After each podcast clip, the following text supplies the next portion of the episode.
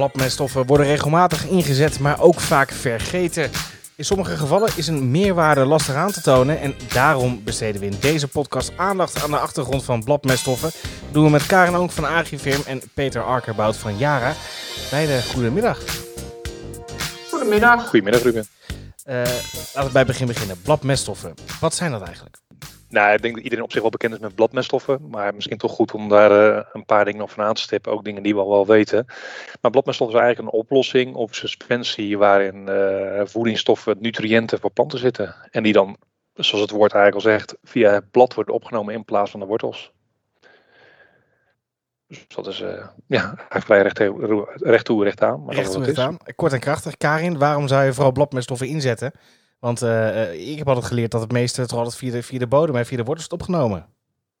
Ja, zo is het ook. Hoor. Wortels, hè, de planten zijn zo ontworpen dat de nutriënten via de wortel naar uh, binnen moeten gaan. En uh, de, om de grootste hoeveelheid stikstof, kali, fosfaat geldt dat ook allemaal. Maar er zijn situaties waarin dat een plant tijdelijk wat voeding tekort kan komen. En dan kan je dat prima aanvullen via het blad. Dus dat is echt de positie van een bladmeststof. Ja, en wat, wat, om wat voor elementen gaat het dan meestal, Peter?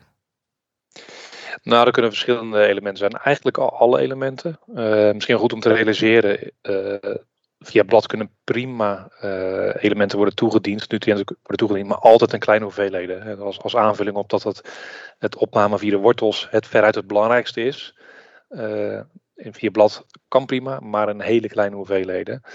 Ehm, maar goed, iedereen kent de NPK's wel. Die, zou je zelf, die kan je via het blad toedienen. Maar ook, ook de wat eh, minder bekende elementen. Uh, de spoorelementen. Uh, zoals calcium, mangaan, zink, koper, borium, molybdeen. ja, die, die kan je allemaal prima via het blad geven. Maar waarom zou ik dat dan willen? Want dat is dan toch mijn grote vraag. We hebben net al geconstateerd dat de wortel het voedingssysteem is van de plant. Waarom zou ik er dan toch voor kiezen om ja, het via het blad toe te gaan dienen? Als de wortels het even niet kunnen. Dus de wortels is de basis. En, maar op, op een moment, wat kan het ook zijn, er zijn specifieke momenten. En als je het aanvult met dat de wortel het even niet kan. En wat die specifieke momenten zijn, daar zal Karen wel wat over te melden hebben. Ja, ik, ik leg het altijd uit aan, uh, aan onze telers, het voorbeeld van magaan. Want dat vind ik wel het meest uh, uh, sprekende voorbeeld. Want dat is echt, mangaan is het element voor mij wat staat voor de bladbemesting. Um, als voorbeeld, ik heb van de winter eens gekeken hoeveel mangaan eigenlijk in de Nederlandse landbouwbodems aanwezig is. En als je dat gaat kijken, dan zie je gewoon dat in, ja, zo rond de 90% zeker, misschien nog wel meer, in de bodems ruim voldoende mangaan aanwezig is. Dus eigenlijk dus geen reden voor bladbemesting zou je denken. Alleen het probleem is, al die mangaan is niet beschikbaar voor de plant. Dat komt ofwel ijzer is te hoog, hè, dan reageert die mangaan met de ijzer. Of uh, de pH is te hoog, en dan komt die mangaan in een onopneembare vorm terecht. Ja, en dan heb je dus wel genoeg mangaan in de bodem, maar is die niet beschikbaar. Nou, dan zou je denken, dan geef ik toch wat extra mangaan via de bodem. Maar dan kan ik jou wel op een briefje geven, die mangaan is ook in de kortste keer niet meer opneembaar. Dus gelukkig hebben we dan de oplossing en dat zijn dan bladmeststoffen. Dus voor mangaan is eigenlijk de meeste gronden in Nederland bemesten we regelmatig bij met een stukje bladbemesting. Peter, je gaf aan, uh, uh, je moet altijd in kleine hoeveelheden moet je het gaan toedienen, bladmeststoffen. Uh, het, dat begrijp ik, want een blad kan blijkbaar minder opnemen dan de wortel. Ehm, maar hoe zit dat dan precies? Want ik kan me ook voorstellen dat het blad daar toch wat meer moeite mee heeft ook. Omdat het daar, de functie van het blad is niet per se het opnemen van voedingsstoffen. Nee, maar het blijkt dat het in praktijk praktijk dat wel kan. En als een product maar goed geformuleerd is, want het is niet zo, neem een bakje water, uh, gooi daar wat van die elementen die we net noemden in, een bepaalde vorm uh, verroeren en dan, dan lukt het wel. Maar dat, dat ligt wat genuanceerder, dus het moet goed geformuleerd worden. Dat gebeurt vaak alleen de, op de productielocaties in de fabriek. Hè. Voor ons meststoffen van Yara gebeurt het in Pocklington. Daar hebben ze echt al meer dan 40 jaar ervaring met het formuleren van dit soort dingen. Maar we moeten ook niet vergeten dat het wordt vaak in een mix meegespoten met de reguliere of herbicide toepassingen of fungicides, die ook al geformuleerd zijn. Nou, daarom is het ook wel heel belangrijk om met, met je adviseur er even goed te overleggen hoe dat toe te passen. Uh, maar doordat het goed geformuleerd is, goed op het blad blijft zitten, zodanig geformuleerd is met hulpstoffen dat het ook door de huidmondjes kan worden opgenomen. Uh, ja, dat zijn hele belangrijke dingen. Dus dat zijn best wel geavanceerde uh, meststoffen, zeg maar, die dan ondanks een kleine hoeveelheid wel op het juiste moment prima binnenkomen uh, bij zo'n plant. Karin, als ik dan kijk naar, als ik dan kijk naar uh, ja, dat de beschikbaarheid van nutriënten en de bereikbaarheid. Dus het zit wel in de bodem, maar de plant kan het dus blijkbaar niet uit die bodem trekken door verschillende redenen. Dan heb ik dus eigenlijk vrij weinig aan die bodemanalyse. veel meer misschien wel aan een gewasanalyse. Maar hoe kan ik dan in de plant herkennen dat ik die bladmeststof moet gaan toepassen? Is dat zichtbaar of niet? Nou, wat we altijd eerst al adviseren is om altijd ieder jaar de grondanalyse even opnieuw door te nemen met jouw adviseur. En dan zie je al een aantal kenmerken, zie je eraan dat je meer of minder risico hebt op bepaalde gebreken van sporenelementen. Nou, dan kunnen onze adviseurs kunnen de telers daarbij helpen. Daarnaast is het ook altijd kijken ehm, naar de omstandigheden. In, in, in, een koud, schraal voorjaar met, hè, met, weinig, met veel droogte, dan heb je ook eerder kans op uh, magaan uh, gebrek. Of soms zie je uiteindelijk ook wel wat uh, fosfaatgebrek in bepaalde gewassen. Nou, dat, daar hangt het dus ook mee samen. Daar kan je naar kijken. En natuurlijk kan je ook gewoon kijken naar de kleur van het gewas. Want magaangebrek herken je best wel snel in bijvoorbeeld gerst. En dan kan je ook nog op dat moment meteen ingrijpen. Peter, jullie als Jara zijn producent, hè, fabrikant van bladmeststoffen. Is het nou dan ook zo als ik uh, uh, bladmeststoffen wil toedienen, dat ik dan specifiek voor een mengsel moet kiezen? Of kies ik specifiek voor mangaan wat ik ergens toe ga voegen? Hoe zit dat er uh, precies uit en welke keuzes heb ik? Nou, in feite is er alle keus. de producten die wij maken zijn zowel enkelvoudige bladmeststoffen als samengestelde bladmeststoffen. En de namen zeggen het al enkelvoudig. Er zit één element in, dus alleen mangaan of alleen borium of alleen koper. Uh, en er zijn samengestelde meststoffen. En dat noemen we intern ook wel crop specifics. Dus die zijn gewasspecifiek.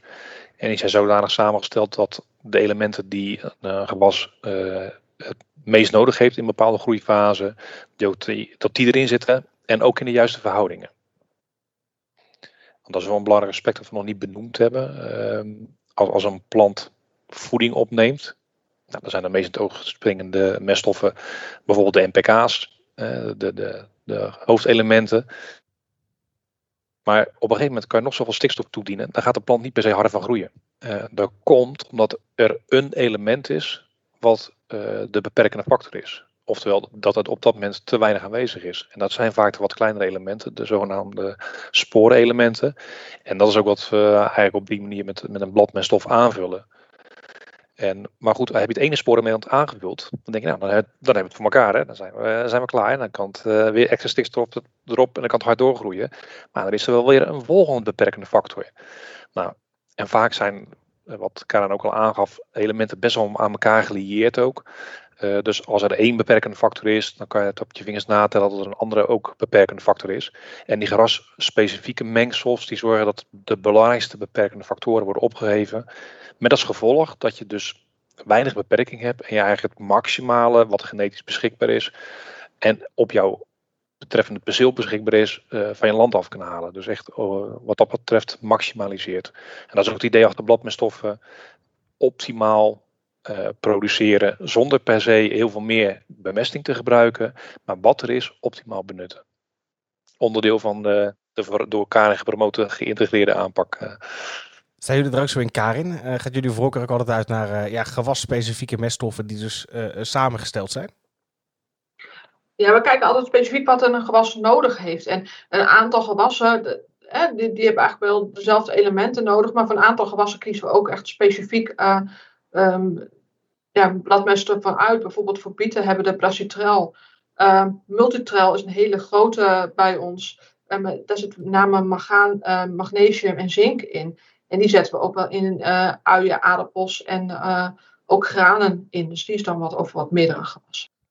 Waar ik tot nog benieuwd naar ben, Karin, is uh, de timing. Hoe belangrijk is dat bij meststoffen? Als ik nou een week te laat ben, heeft het dan al wel zin? Of ja, ben ik nog gewoon te laat?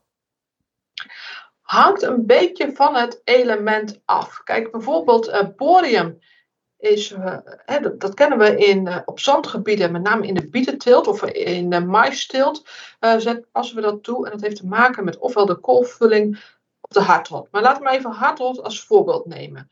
Als een gewas te weinig borium heeft, kan een bietengewas hardrot ontwikkelen. En zit dat er eenmaal in, dan ben je gewoon te laat kan je het niet meer bijcorrigeren. Um, anderzijds is het als je graan hebt en je mangaanbemesting heb je één keer gemist, dan heeft het nog wel degelijk zin om later in het seizoen alsnog weer wat mangaan bij te geven als je opnieuw een gebrekskenmerk krijgt. Dus het hangt een beetje van het gewas af. Heb jij nog een belangrijke nabrander, Peter, als je kijkt naar de praktijk? Nou, we hadden het net al over uh, groeistadia en uh, wat, wat Kaan ook al aangeeft. Dus ik denk dat het goed is om te kijken naar wat zijn groeistadia. En, en, en daar moet je denk ik bij aansluiten. En op dat moment je ook beredeneren of het zin heeft om nog een bemesting te doen. En misschien goed om te realiseren in welke mate bepaalde elementen mobiel of immobiel zijn in de plant. dan kan de plant zichzelf corrigeren, maar soms lukt het ook niet. En uh, als de jongste bladeren of de groeipunten ergens tekort aan hebben, ja, dan heb je al gauw een, te maken met een opbrengstderving. En te wachten tot je dan gebreksverschijnselen ziet, ja, eigenlijk ben je, zeg maar 99 van de 100 keer ben dat te laat. Dus je kan beter uh, je teelt snappen. En als een echte pakman, als een echte boer, kijken we naar wat, wat heeft mijn gewas nodig, wat zijn de omstandigheden en kan ik verwachten dat ik uh, hier een gebrek ga krijgen. Nou, dan, uh, ik weet niet hoe elkaar erover denkt, maar waarschijnlijk hetzelfde is dan loont het gewoon de investering om met uh, uh, bladmeststof aan de gang te gaan. Dat kost een beetje wat maar je redt wel een groot deel van je opbrengst die anders mogelijk verloren laat gaan. En denk bijvoorbeeld aan de kou nu. Hè. Een heleboel gewassen hebben echt wel een langzame start. Met een beperkt uh, ontwikkeld wortelgestel ja, moet er toch heel wat gebeuren. Nou, je gewas op dat moment net een handje helpen. De beginontwikkeling sneller doorkomen, snellere rijsluiting. Ja, uiteindelijk geeft dat gewoon ook financieel gewin. Tot zover deze podcast waar we bladmeststoffen in algemeenheid hebben behandeld. In de volgende podcast gaan we diepgaander in op plantgezondheid en de relatie met bladmeststoffen. Want nieuwe ontwikkelingen op het gebied van gewasbescherming maken bladmeststoffen in de toekomst alleen nog maar belangrijker. Dus blijf op de hoogte en blijf ons volgen in uw favoriete podcast app.